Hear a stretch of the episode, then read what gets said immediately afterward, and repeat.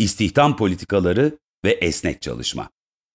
Pandemi dönemi politikalarımız, ekonomik faaliyetin büyük darbe gördüğü, birçok sektörde uzun süre altından kalkılamayacak durgunluğun oluştuğu bir dönemde istihdamda oluşabilecek sorunların önüne geçti.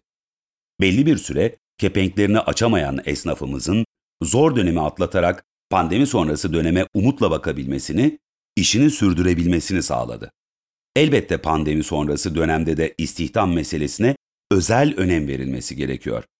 İnsanımızın evine ekmek götürebilmesi, ailesinin temel ihtiyaçlarını karşılayabilmesi, okulu yeni bitirip hayata atılmaya hazırlanan gençlerimizin geleceğe umutla bakabilmesi için işsizlik problemine kalıcı çözümler üretebilmemiz ekonomik, sosyal ve toplumsal anlamda büyük önem arz ediyor.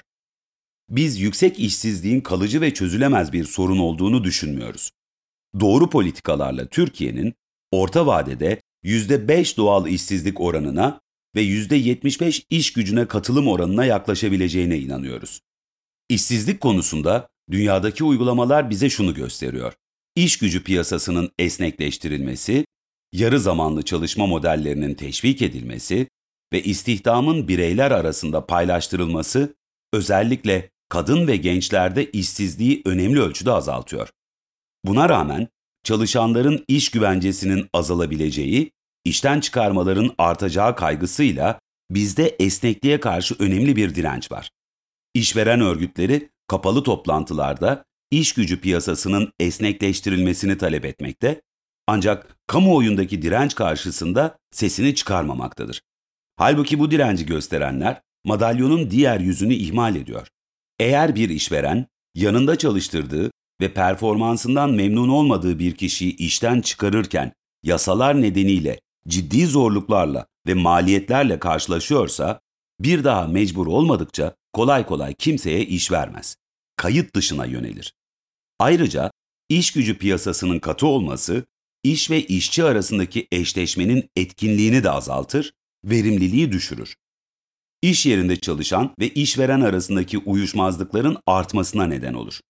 Bu nedenle bizim iş güvencesi ve esnekliği arasında daha ideal bir denge oluşturmamız, bu yolla iş gücüne katılımı ve istihdamı arttırmamız lazım. Görevde olduğumuz dönemde bu yönde üç temel öneri hazırlayıp meclisimize ilettik. Bunlardan birincisi, iş bulmakta nispeten daha fazla zorlanan, 25 yaşını doldurmamış veya 50 ve daha üzeri yaşta işçilerin 2 yıla kadar belirli süreli sözleşme ile çalıştırılabilmesi. İkincisi, 25 yaşından küçük kişilerin ayda 10 günden az çalışması halinde bazı uzun vadeli sigorta kollarından prim yatırılmaması. Üçüncüsü, tam süreli çalışırken kısmi süreli çalışmaya geçmeyi kabul edenlere aylık olarak asgari ücretin %10'una kadar vergi istisnası tanınması. Bu esnek çalışma önerilerimiz genç istihdamına büyük katkı sağlayacaktı. Maalesef meclis ve sendikalar günlük endişelerle bu adımlara karşı durdular. İstihdamla ilgili bir diğer temel ihtiyaç, kadınlarımızı ve dijital dönemin nesilleri olan Y ve Z kuşağını heyecanlandıracak türde geleneksel iş alanları dışında yeni iş alanları oluşturulması. Örneğin bizim dönemimizde devreye alınan 1 milyon yazılımcı, dijital turizm elçiliği, bireysel e-ihracat uzmanlığı, ev esnafı ve girişimciliği ile gündüz anneleri platformu gibi beceri değişimini de içinde barındıran projeler hep bu amaca yönelik olarak atılmış adımlar.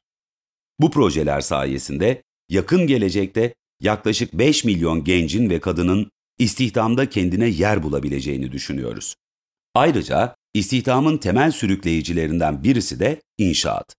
Her ne kadar belirli çevreler inşaat ve altyapı alanında son 18 yılda yapılan yatırımları ve elde edilen başarıları küçümseyerek parayı betona gömmek olarak nitelendirse de bizim milyonlarca vasıfsız ya da yarı vasıflı işçiye iş ve ekmek sağlamak, gelir dağılımının bozulmasını engellemek, kentsel dönüşüm projelerimizle şehirlerimizi depreme karşı daha güvenli hale getirmek, havalimanı, köprü, altyapı, lojistik, otoyol, demiryolu ve liman projeleriyle mobiliteyi ve ticari canlılığı artırmak için bu projelere devam etmemiz gerekiyor.